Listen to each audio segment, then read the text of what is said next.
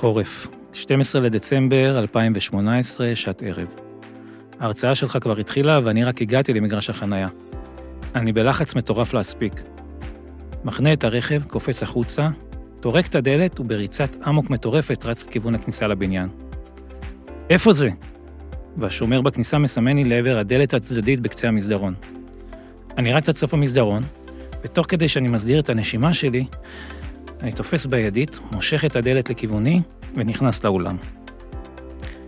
אתה בדיוק משתף את הקהל על התקופה שלך בסקוטלנד, כשאני בשקט בשקט מפלס את דרכי לכיוון הכיסא האחרון שנשאר פנוי. עכשיו תקשיב.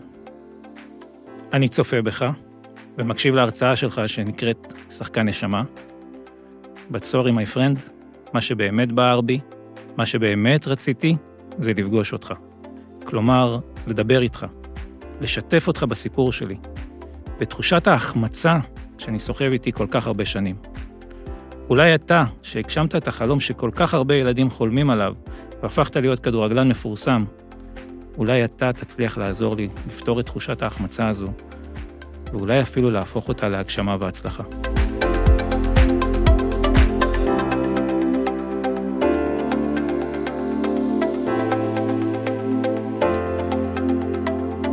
שלום ז'אן טלסניקוב. שלום, צהריים טובים. מה שלומך היום? מצוין. אז אתה זוכר? 12 ל-12 18. וואו, איזה תאריך. זוכר מה היה ב-12 ל-12 18? מה, הרצאה שאתה... לא יודע, לא זוכר. לא זוכר, אוקיי. בשבילי, לא. בשבילי זה תאריך אה, מאוד משמעותי. אני רק זוכר שרציתי לברוח משם, בכלל רציתי להרצות, אה, זה היה בשבילי סיוט, ו... זה קטע. כן. דיברתי איתך על זה בעבר. אתה יכול לעמוד מול 50 אלף צופים, לשחק מולם, או מהמם. בטדי, בהר הגעש הזה, מהמם. אבל uh, להרצות מול uh, כמה עשרות או מאות, uh, זה קשה לך. שווה, שווה להתבונן בזה, להבין מה עומד שם. אני אגיד לך, התובנה שיש לי היום, מתוך המקום הזה, שבכלל המילה הזאת להרצות, היא ששם הבנתי, דווקא בסדנה של ההרצאות, שאני לא רוצה להרצות. יפה? אני רוצה לספר סיפור. אה, לא רוצה להרצות לאנשים. זה פתאום הבנתי ש... באמת, לא ממקום של אה, צניעות אה, יתרה, להפך, אני יודע מה אני שווה, אבל היום אני מרגיש את מה שאז דווקא הלחיץ אותי, זה לעמוד מול אנשים ולהרצות. מה, מה אני מרצה? על מה אני מרצה? אם, כשאני מספר סיפור, אז ואני יכול להתחבר באמת לעצמי, ושם באמת להגיש משהו אותנטי. אז היום, אם מישהו מזמין אותי להרצאה, אני אומר לו לא, אבל אם אתה רוצה את הסיפור שלי, אז כן. יפה, אהבתי. בקיצור, 12 ל-12, 18, תאריך אה, ש... שהלכתי אחורה יום אחרי ודפדפתי. הולדת שלי, 11 כן, ל-12. נכון, נכון, הכל, הכל מתחבר פה, הכל מתחבר פה. אני יודע. יפה. אה, והשאלה שבעצם תמיד רציתי לשאול אותך, איך זה. מרגיש להגשים את החלום? אה, זה הש... השאלה שלך, ככה דפדפתי במוחי, ואמרתי באיזה דף אני אפתח כדי לענות לך את התשובה הנכונה, ומה שזה לקח אותי לסיטואציה, אה, קבל. אני אה, גר בדירת חדר אצל אה, שמוליק לוי למעלה בבית, בווילה שלו.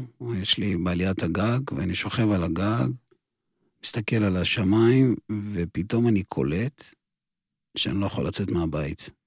וואו. כי אני לא אוכל להסתובב בירושלים. אני, נחתה עליי ההבנה שאני מאוד מפורסם ומאוד מצליח. וואו. אז uh, התרגשות uh, uh, שקשה לתאר במילים, היא איזושהי... משהו השתנה, זה כמו קפיצה בתדר, באיזושהי טרנספורמציה רוחנית כזאת.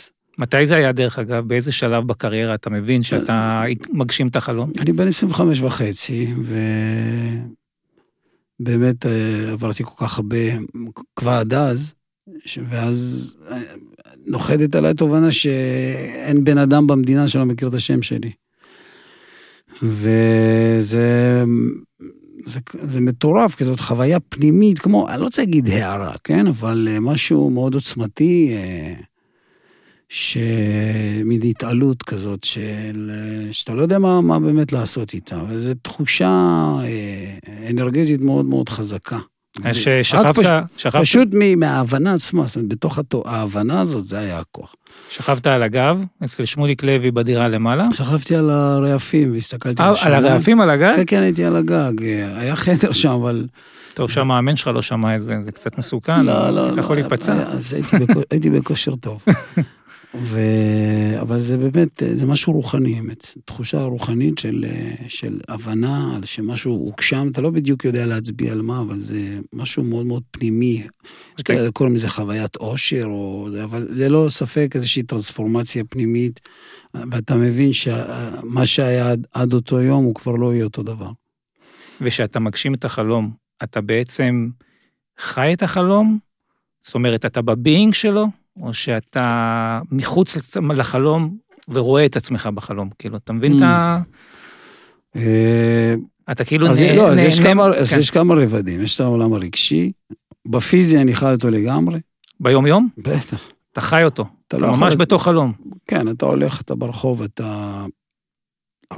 זה, זאת אהבה מכל כיוון, זה, אתה מפורסם בשנייה, לא, בשנייה שנבנתה, אבל באותו רגע שחווית את ההצלחה ואתה מכיל את זה ברמה הרגשית, בפיזי זה מתקיים בזה שבירושלים אתה לא יכול ללכת בשקט. וואו.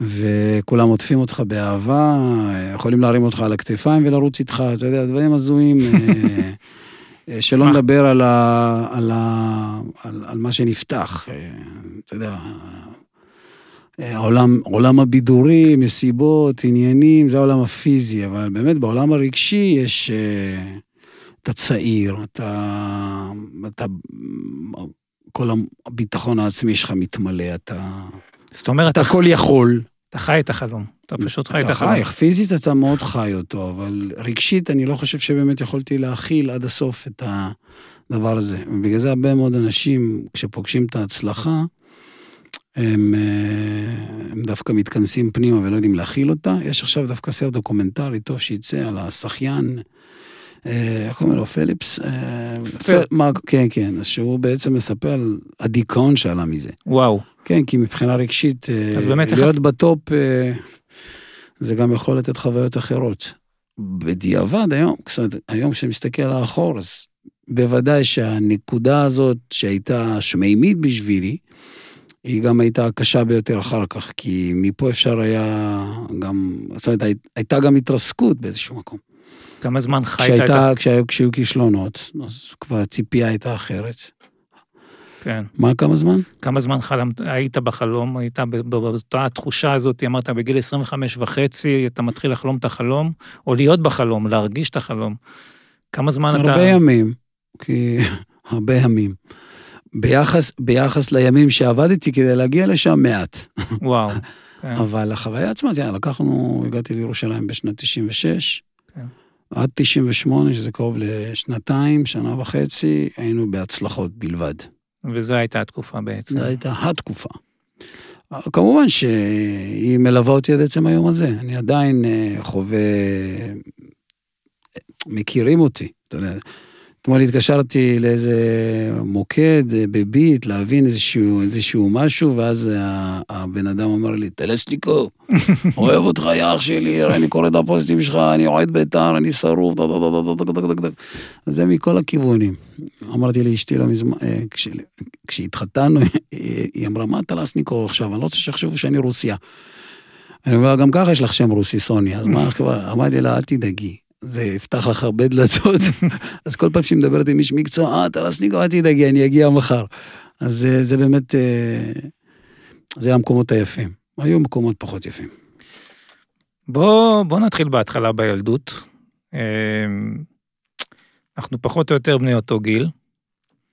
אני, אני נולדתי בארץ, אני ללא ספק יכול לשתף אותך שהקרבתי, השקעתי, התמדתי, וואלה, נתתי את כל כולי לכדורגל. החלטתי בגיל אה, מונדיאל 82, התאהבתי בענף הזה, זה משהו בקרנבל, בצבעים. 82, גם אני. כן, ספרד 82, פאולו רוסי, זוכר? אני הייתי ברזיל, סורי. אה, כן, טוב, בסדר, גם הדוקטור הוא בסדר. בסדר, סגרתי מעגל. שיחקתי כן, אנחנו נדבר על זה. נדבר על זה. ו...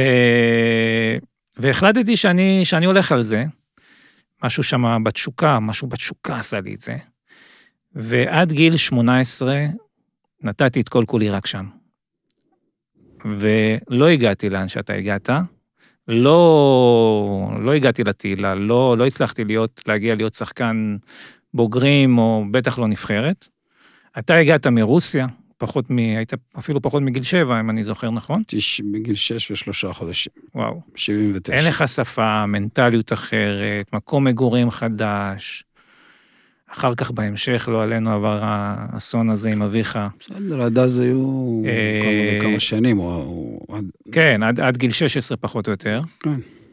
מה, מה לדעתך בעצם עשה את ההבדל? למה אתה כן, ואני, ועוד הרבה כמוני לא? אמ, אם אני אתן לך דימוי, בסופו של דבר זה יושב האמת על שני ענפים מאוד מאוד משמעותיים בחיים שלי, סבבה? עם כל העולם הערכי ועוד ועוד. זה שבמקום שאחרים מוותרים, אני לא ויתרתי, והאלמנט של ההתמדה מאוד מאוד אה, אפיין אותי. אוקיי? זה בזמן שכולם עמדו בתחנת האוטובוס וחיכו לאוטובוס, אה, היו בהתחלה אלף, אה, והאוטובוס לא הגיע, והם התחילו למרמר ולהתאמלל, והתחיל לרדת גשם, אני המשכתי לעמוד. אחר כך היו מאה אנשים. עד שמצאתי את עצמי עם עוד שלושה, וכולם אמרו לי, תגיד, אתה טמבל, זה... האוטובוס לא יגיע. אמרתי להם, הוא יגיע. והוא באמת הגיע, ומצאתי את עצמי עומד אה, לבדי שם. ו... וזה בעצם מאפיין אותי, אני אה, לא יודע לצפון את העתיד, אבל אה, אחד הדברים הכי חשובים לי זה לפגוש את עצמי במקום שבו אני שלם, ואני יודע אה, שעשיתי את הכי טוב שלי. אולי אז רק אני יכול לקבל החלטות. אבל עד שאני לא מרגיש פנימה, בליבי, ש... שעשיתי את הכי טוב שלי, אני לא, לא עוזב את התחנה. זה לא אכפת לי מה יגידו, זה לא שזה לא משפיע, אבל זה מה שאפיין אותי. עכשיו, מאיפה בא המקור הזה? מן הסתם הסיפור חיים, מזה שעליתי לארץ והשערים נסגרו, אין היה לברוח. אתה מול עצמך. אז uh, אני חושב שכבר אז, היום אני יודע יותר מן הסתם, אבל ההשקעה, ההבנה על העוצמה הפנימית, מי זה האני העצמי שלי, והעובדה שיכולתי להיות בלב, בלבדות הזאת, ולא לפחד להיות לבד, כי יש לי את עצמי, זה שנתן לי את הכוח אה, לעמוד נגד, אה, אל מול מה שנקרא העולם החיצוני, הדעות של האנשים, או מה שמתקיים בעולם המקביל. זה, אני פשוט, זה גם לי להאמין יותר. אתה יכול לשתף אותי באיזה שני מקרים, ששם זה היה צומת רצינית, ושם למרות הכל, אה, המשכת והחלטת שאתה ממשיך במסלול להגשמת החלום? כן, אז נקודת המפנה, אז אם אבא שלי זיהה בגיל מאוד צעיר שיש לי כישרון, זה היה באשדוד, והוא אה, חיפש אה, מסגרת בשבילי וראה שאין, והוא הלך ללמוד בווינגייט בגלל זה אימון, והיה מהמצטיינים, שזה היה באמת אה, משהו מאוד מדהים בעיניי, המנהיגות שהוא הראה לי אז. הוא הפך להיות המאמן שלי. וחשוב להגיד, שתכף אני אדבר על הצומת, זה שכדי לקבל אה, החלטות בצמתים מסוימים אל מול אה, החלטות חשובות, במקרה שלי, בענף שלי, אם לא היו לי את המיומנויות ואת הכישרון ובאמת את ההשקעה שם, אז אה, זה לא משנה, גם אם הייתי אומר לך עולם ערכים הכי גבוה, אתה צריך גם להביא מיומנות מסוימת. אל מול המיומנות שהפגנתי, אל מול הכישרון שהיה לי, חוויתי טרגדיה שאותו אבא, שנתן לי כלים, הוביל קבוצה מדהימה באשדוד אה, לעשות באמת אה, מסע מופלא, נתן לי כישורים. אה, עזב את העולם הזה בצורה טרגית. אבא שלי איבד את עצמו לדעת, ועזב את העולם הזה כשאני חודשיים לפני 16. הוא היה המאמן של הקבוצה, ושם הייתי צריך לקבל החלטה, שעמדה מול השאלה הבאה, האם אני משחק בגלל אבא שלי כדי לרצות, או בעצם עשיתי את זה בשביל עצמי. ובנקודת זמן הזאת, שיכולתי בקלות לעזוב, כי הייתי רק עם אמא שלי ועם אחי, לעזוב את זה, כי היה מאוד מאוד קשה, זה היה מאוד טרגי. מה אה, קרה בדיוק עם אבא שלך? אבא שלי התאבד, קפץ מקומה שביעית, ולא ניכנס עכשיו. למה, כמה, זה סיפור בפני עצמו, אבל זה היה מן הסתם טרגי מאוד. וזה מאוד קרוב אליי. ואני... מה קורה- מה- מה קורה לך בדיוק ובתוך בנקודה? העולם הפנימי, אל מול ההתרסקות הזאת, ידעתי שהחבל היחידי שיכול להושיע אותי זה הבחירה במשחק. הבחירה, כי הכדורגל הפיח בי חיים. כדורגל הפיח בך... הכדורגל חיים. הפיח בי חיים. הכדור was my best friend, as they say. ו... וזה היה חבל ההצלה שלי. ידעתי שפנימה, זו איזו מין ידיעה פנימית, שזה המקום שבו אני יכול לא למות, אני קורא לזה, לחיות. והבחירה בכדור ובכדורגל, היא יכולה להושיע אותי מתוך התאומות אה, והקושי הזה. כי, אתה יודע, נשארתי לבד, אח שלי בן ארבע, ואימא שלי לבדה, בלי משפחה קרובה מסביב. וידעתי שאני צריך להיות חזק. בעצם בחרת בכדורגל בעצם כמסלול שאמור אה, לעזור לך בצומת הזאת להתקדם הלאה. זאת אומרת, אה, אתה יכול לחשוב על זה שבסיטואציה כזאת אתה תבחר להתכנס פנימה, תזרוק את הכל, תגיד החיים אכזריים עליי, אה, ותפרוש מה שנקרא. האופציה הזאת, אה, אתה יודע, היא הייתה מונחת גם שם, יכולתי פשוט לעזוב. ולבחור דרך אחרת, אבל אה, גם אהבתי את המשחק, וגם הייתי טוב בו, אבל יותר מהכל ידעתי שהוא התרופה. בעצם הכדורגל בשבילי, היום כשאני חושב על זה, וזה מה שאני עושה היום בחיים, אני עוזר לרפא דרך המשחק. מקסים, מקסים. תגיד לי, כל אחד יש לו חלום ויש לו את המנטור והדמות הזאת שהוא תמיד היה רוצה להיות, הסופרמן הזה שהוא היה רוצה להיות. מי השחקן שתמיד הסתכלת עליו ואמרת, כמוהו אני רוצה להיות? אה, לא חייב להיות רק הרבה מה... אנשים הרימו גבה, אבל כן. מי, ש... מי שתפס אותי בעוצמה רבה, זה היה מרדונה. מרדונה. מה? האיש והלא אגדה במובן ההתנהלותי. אבל כשחוקרים אותו כספורטאי, הוא באמת אה, קרס תחת הלחץ ועשה בחירות לא טובות אה, בחיים האישיים שלו, אבל התשוקה למשחק והמחויבות שהייתה לו, וההבנה אה, מתוך הסיפור חיים שלו, איך לשחק את זה, הוא לא שיחק רק בשביל עצמו, הוא שיחק בשביל ארגנטינה, אני קורא לזה, בשביל האהבה, בשביל אותם... הוא, אתה יודע, כמו צ'ה גברה, אז הוא היה, הוא היה מהפכן.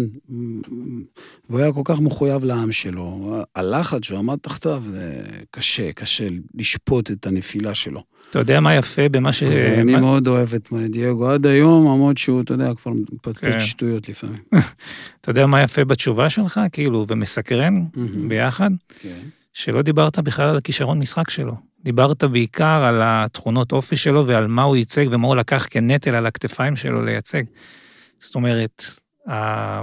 היכולות שלו, שכולם מכירים וכולם ידעו, אני דווקא התאהבתי בו במונדיאל 82, אתה זוכר שהוא הוא התנהג בצורה, הוא הגיב שם איזה- כלפי איזה שחקן אחר, קיבל אדום, כן, הוא היה בן 23 והוא יצא מהמשחק. שם התאהבת בו. ו- כן, כי היה בו משהו במשחק ש...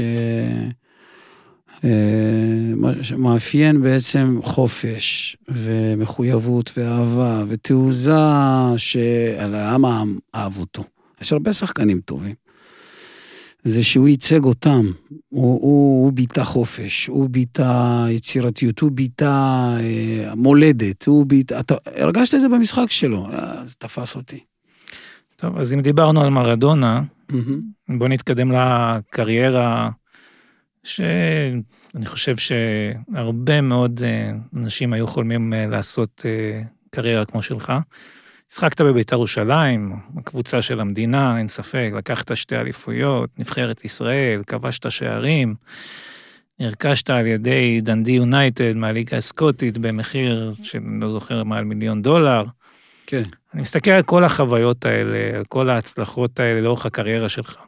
יש לי, וואו, מלא שאלות לשאול אותך על זה. אה, אבל אני אתחיל דווקא עם השאלה אה, הכי, אולי יש בו קצת אה, צהוב, אבל עדיין מעניין אותי. שיחקת בבית"ר ירושלים הרי. איך זה לשחק אה, לצד אלי אוחנה? כשאני הגעתי לביתר, ב-96 אלי היה סופרסטאר, מה שנקרא בשלהי הקריירה.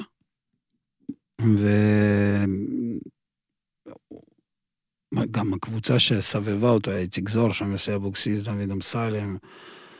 אה, הרגשת, אין ספק שאלי מביא איתו נוכחות מאוד עוצמתית. יש לו איזה כריזמה שהורגשה מיידית. אה, וגם ההתנ... כל מה שסבב אותו אלי אוחנה הוא באמת היה... אה, מעבר לזה? שהיה שחקן מאוד מאוד גדול, אה, קלאסי ואלגנטי, הנוכחות שלו הייתה חזקה, לא בגלל שהוא דיבר הרבה, אלי לא דיבר הרבה, הוא נוכחות עצמו, בחור נאה מאוד, ו- ו- ו- ו- אבל הייתה נוכחות כזאת שכולם, אה, מה שנקרא, רקדו סביבו. איך זה השפיע עליי? אתה יודע, היה הבדל של תשע שנים בינינו. אתה מאוד מרגיש את הנוכחות, ומילה של אלי באימון היא מאוד מאוד אה, ברורה, אתה לא מתעסק איתו. אלי אמר, אה, אתה מבצע. לקחת ממנו משהו? כן, מה? אה, לא להפסיד. להפסיד זה לא טוב, אה? זה לא זה... כששחקת עם אלי זה היה לנצח, אבל זה גם גרם, זאת אומרת, בנוכחות שלו גרם לנו להצטיין, או לי בכל אופן. אה, אני ידעתי שכדי להיות בהרכב, אני צריך אה, להיות the best. אז הוא, הפחד כילד מולו, מול הכוכבות שלו, מול ההפרש גיל, גילאים, אל מול הרצון שלי להצליח, מיקד אותי דווקא, הפחד הזה. יפה. הוא, היה, הוא נתן השראה לי. יש לי תמונה בראש, שאתה עם במדים של בית"ר ירושלים, ו... ואני מסתכל על הספרה, ואני רואה שם את הספרה 11. זה היה אבל בקדנציה השנייה. בקדנציה השנייה, כן, בקדנציה השנייה, בוודאי. המספר שמאפיין אותי בבית"ר. ירושלים זה ארבע. זה ארבע, אני זוכר ארבע. בסדר. בפעם השנייה, אני כן. דווקא, דווקא מעניין אותי הספרה הזאת, איך ארבע אני זוכר אותך. 11, פתאום אני מסתכל, ואני ככה מגדיל את התמונה ורוצה לראות, מהמם. באמת, אתה באמת היית עם 11. תקשיב, 11 בבית"ר ירושלים זו הצהרה, זה, זה, זה מנהיגות, זה אחריות, מבחינתי, מבחינת אחד שרואה את זה מבחוץ, מה מהמם. שאני מבין את זה. אז בעצם השאלה שלי, איך העזת לקחת את 11? איך, איך לקחת על עצמך 11 על הגב בביתר? לא קשור לאלי אוחנה. קשור- לא, אבל- לא, אני אומר לך. זה כמו אלי- שאלף אלפי הבדלות, 23 ב- ב- בשיקגו, זה הצהרה? זו ההצהרה? אז, אז בסדר. אני, 11 זה היה מספר אהוב עליי מאז שאני ילד. אתה יודע, מאלה ש... אתה זוכר שכתבנו על החולצה את המספרים? נכון. שלא היו עדיין, לא כמו היום, היום קונים, אנחנו היינו עם טוש. גדלת בתור 11. נכון. אני הייתי 11. ורציתי לעשות את הסגירת מעגל. במקרה או שלא במקרה, זה היה שייך לאחד. השחקנים הכי גדולים שהיו לביתר אי פעם. ו- ועם העילה הזאת, אה, אתה לוקח את המספר, אבל לא, לא ניסיתי, זאת אומרת, לא עלה במחשבתי אה, להיתפס לתוך האנרגיה שלו. זה היה בשבילי המספר ספק. שאני אוהב, ואני אגיד לך גם למה, למה בסופו של דבר הגיע למספר 11. זו הייתה מחווה חברית, אני יכולתי להישאר עם ארבע מן הסתם. עופר טלקר, שגדל איתי, מהמם. והיה שחקן אה, מבריק בעצמו, נקנה, אה, לא נקנה, חתם בבית"ר ירושלים לשלוש שנים. המספר שלו היה מספר ארבע. אז מהכנסת האורחים, וכחבר, אני אמרתי לו, עופר, תבוא, איזה מספר אתה רוצה? הוא אומר לי, ז'אן, ארבע זה שלך. אני, אתה יודע, אני כבר, אז אמרתי לו, לא, ארבע זה שלך. רוצה שתרגיש בנוח, נתתי. לו את המספר שלי, חברות. הוא לא ישכח לי את זה, לא, הוא אמר לי, אני לא אשכח את זה לעולם, כי רציתי שיהיה לו טוב. ולקחתי מספר אה, גם לא, לא רע בכלל. אבל אה, לא, לא, האמת לא, שחקנים, זה לא נהוג אה, לוותר על מספר. ברור. בסדר, לא, חברות יותר חשובה ממספר. אני עדיין אומר לקחת אה, ספרה 11. בוא, אני יודע את ההיסטוריה שלך, אני יודע שאתה דור שלישי לספרה 11. אתה גדלת 11 כמו ששיתפת. אתה יודע, לפי הסיפורים, אני לא ראיתי את אבא שלי משחק. כן, לפי הסיפורים. אבא שלי היה חובבן בתחום. בסדר, אז אני אומר, אבל יחד עם כן, זאת, כן, לקחת, 11 דיבר אליי. אה, לקחת את 11 בקבוצה כמו בית"ר ירושלים.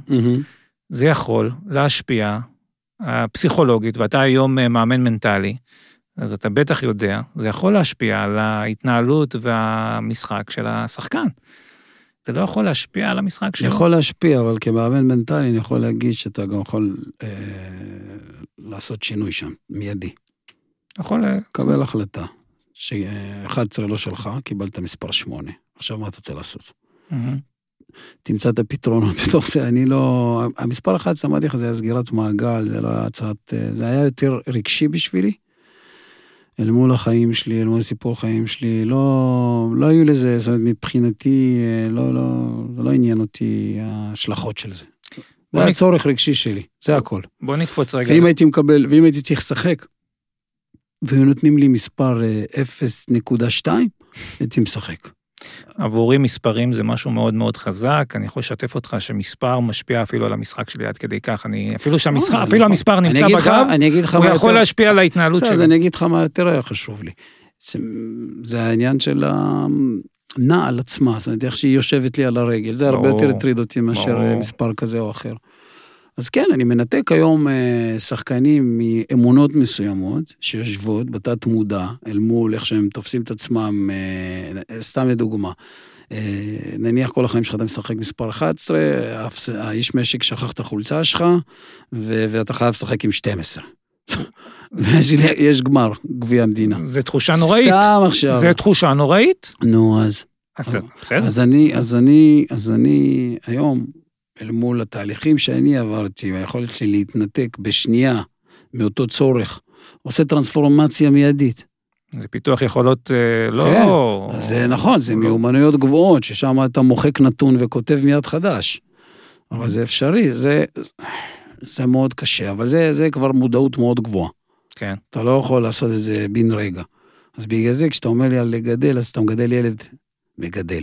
או נותן כלים לילד בן 13, כדי שיום אחד, בגיל 28, כשיקרה מצב כזה, שזה לא ישפיע. אז uh, הוא ייקח הוא אותך, יודע. יהיה משחק של נבחרת ישראל נגד uh, גרמניה, ואנחנו צריכים לעלות uh, לאליפות אירופה, כי זה משחק קדם אליפות אירופה, והוא קיבל 12. אז מה תעשה עכשיו?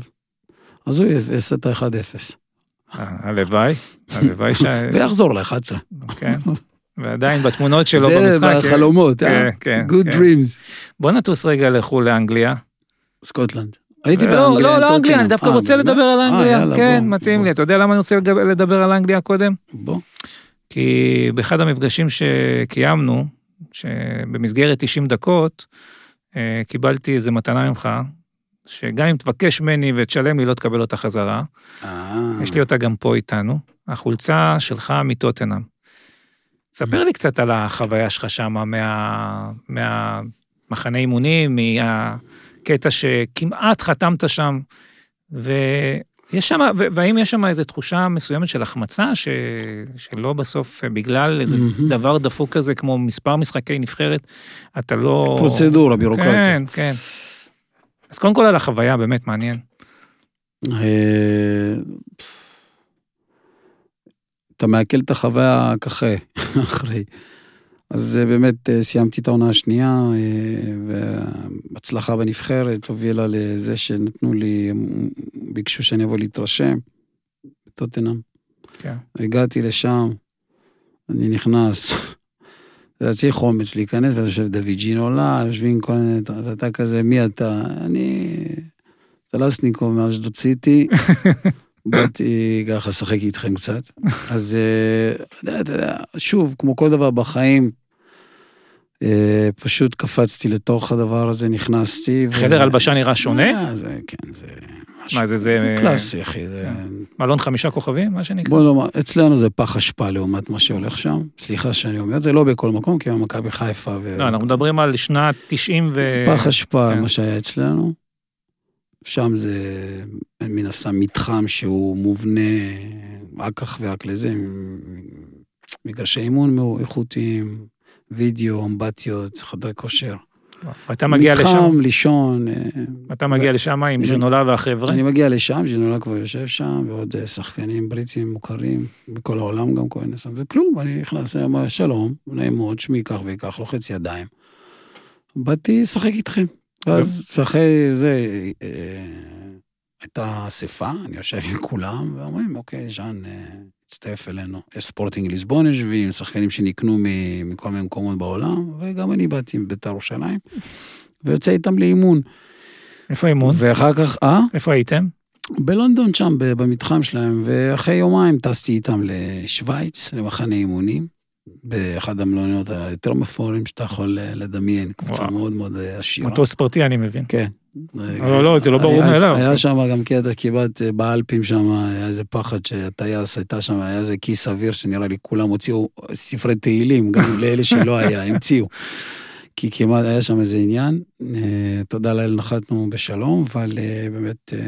אתם במחנה אימונים בשוויץ, כן? מהמם. מטוטנאם? שיחקתי עם טוטנאם נגד גראסהופרס. אה, ועוד קבוצה, אבל גראסהופרס הייתה הקבוצה הבכירה בשוויץ, ובאמת מחנה אימונים ז'אנגלר, משהו מטורף. הייתי עם אה, פאולו טרמזני מפיאצ'נזה, שנקנה בארבעה מיליון יורו אז. אה, באיזה סוויטה, שנינו ישנו, אתה יודע, שניים בחדר, ואלפים, אני מדבר איתך, מגרשי טניס מחמר, רוחות, עזוב, נו, King. שנתיים לפני זה כן. הייתה על הרעפים של שמוליק לוי. כלום, משחק בקריית מלאכי שם נגד קריית מלאכי, ומאיימים עליך שאם תנצח ישברו לך את הרגליים. אז אה, כן. ואז מה קורה בסוף השבוע או אז עשרה אה, ימים אחרי האלה? השבועיים, אחרי כן. השבועיים, בעצם נכנס ההליך הבירוקרטי, אני מבין שאני כן מעניין אותם, אבל אה, זה נופל על זה, ש? שאי אפשר לתת לי... רישיון. כן, עכשיו, זה המחנה אימונים, משם אני טס לבלגיה, למחנה אימונים של ביתר. אוי אוי אוי, איזה... ומשם טסתי למחנה אימונים של, של נבחרת באוסטריה. באותה שנה זה היה קשה מאוד. זאת אומרת, אל מול התהילה, שחוויתי אותה אחרי את האליפות, ישר, אתה יודע, נכנסתי למעגל של אימונים פסיכי, כן. שכבר כולם מצפים לך שת- שתניב, ואני זוכר, גם, גם קרסתי פיזית. אתה כבר סטאר, אתה כבר... כן, וקרסתי פיזית. אה, כמובן שלא הראיתי לאף אחד, אבל שלושה מחנות אימונים הרגו אותי. ואתה... זה, הייתה אז גם חוסר מודעות, לא, המדע לא היה מדויק, זאת אומרת, לא, לא היה מדויק. המדע היה מדויק, הכולו היה קיים אצלנו. כן. ו... ויש איזו תחושת החמצה לקטע הזה של טוטנאם?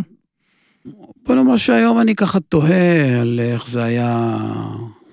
אני יודע בוודאות שעם היכולות שלי, היום שחקנים, בגלל שהעולם הרבה יותר נגיש, והוא נהיה, אה, הכל, הכל נהיה כזה מחובר, גלובלי. השחקנים עוברים היום יותר בקלות, אין ספק שהייתי משחק באנגליה, דורטמונד, אה, גרמניה, יכולתי לשחק בשקט, מבחינת יכולת. אבל זה לא, אין טעם להסתכל לאחור, זה גם משהו שמוביל אותי, ושנה אחרי זה חתמתי בסקוטלנד. היה לי מספיק הופעות בנבחרת, ולחצו שם. הייתי צריך או בהולנד, בט- בטוונטה, או בסוף דנדי שמו את הכסף, אני אקרא לזה ככה. להשלים עוד את הנושא של הקריירה, אה, מהו הרגע שבעצם אתה תזכור, אה, מהו הרגע הכי מרגש או הכי משמעותי בקריירה שלך? שאתה בוחר, או אני אתן לך, אתה יודע מה, אם אתה רוצה, תבחר. שניים. שניים. האליפות השנייה עם בית"ר ירושלים, אני זוכר שזו התרגשות מאוד גדולה, כי... לה פמיליה יעבור אותך עכשיו. על הפמיליה אז עוד לא, הם היו בבטן, כן. הם עוד לא נולדו אז. הם היו רעיון אה, כן. אה, אז האליפות השנייה, כן. אחר. אז האליפות השנייה, באמת אה, הרגשתי שיש לי מקום. אני נוכח באמת בספורט הישראלי, ובאמת אה, השם שלי מוכר לכל אדם בארץ, ובעצם התחברתי לקושי ולמסע שעברתי בדרך, ואיזושהי גאווה פנימית אה, על היכולת שלי אל מול כל ההתמודדויות, לבדי, עצמי. באמת בלי עזרה מלבד המילים הטובות של אמא שלי, אה, להצליח, להצליח ולהגיע לטופ, באמת לבד. אז שם הרגשתי איזה ככה, אתה יודע, אה, חיבור לעצמי ו... ו, ו, ו אהבה זה כזאת. היה- זה כן. היה הקטע בקריירה שהוא היה מאוד משמעותי, מאוד כן. משמעותי.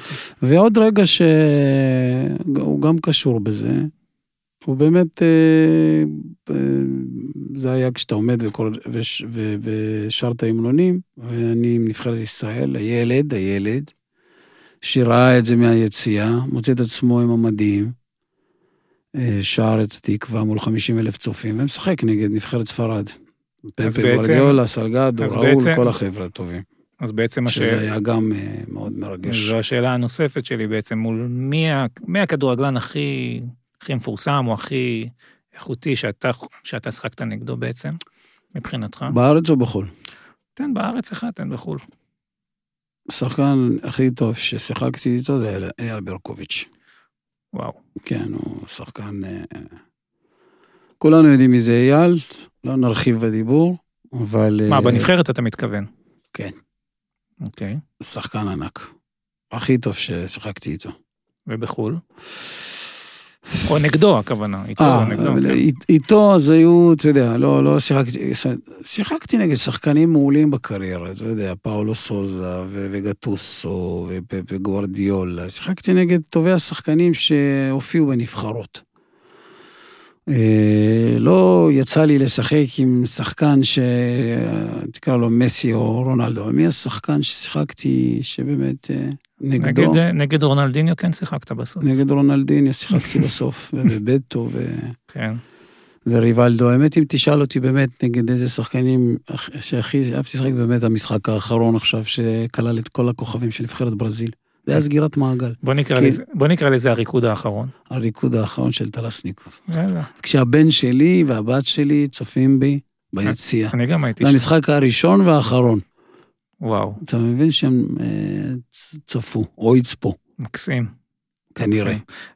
אם אני מארגן לך עוד איזה משחק כזה, מה לא תבוא? איטליה עם בופון, בסדר. יכול להיות, אה? תשקול, תשקול בחיוב. אני עדיין, עדיין עושה פעילות גופנית. בוא נדבר קצת על, אה, על תנועה וזרימה, ואני אסביר. אה,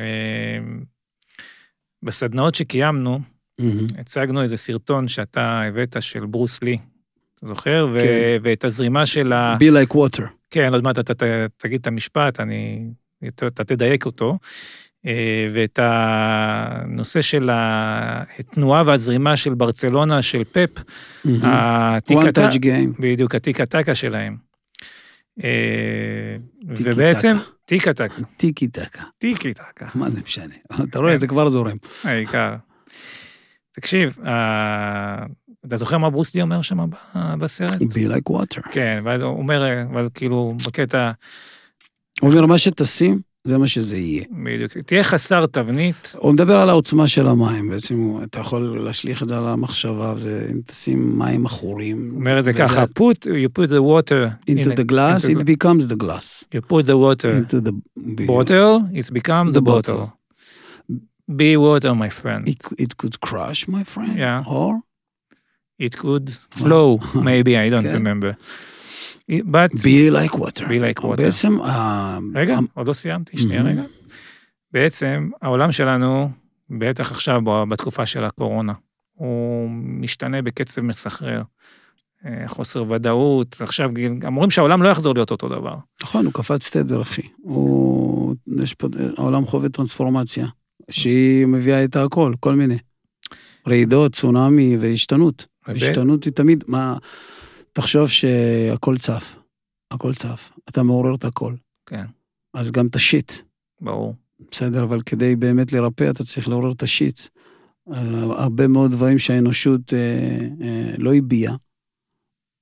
אתה יכול גם אצלנו בחברה הישראלית, כל התנועה, החברת, כל התנועה וה, וה, והשיח שמתקיים ברחובות בצורה כזאת או אחרת, הוא בעצם הבא של המו, התחושות והרגשות הכי עמוקים שיש, שיושבים על, אה, אתה יודע, על קשיים, על חוסר סיפוק, על אה, שחיתות, כנגד שחיתות, או בעצם אה, העולם הרגשי, העולם הרגשי, הוא, הוא חי ונושם יותר מתמיד. כן. במי- כי, כי זה עורר את הכל. ובעצם, השאלה שלי היא, איך אתה מייצר את הזרימה בחיים שלך? איך אתה, באי-ודאות הזאת, בטח מהמם. בתקופת הקורונה, מהמם. אבל גם בתור שחקן שתיארת את זה, אתה מ...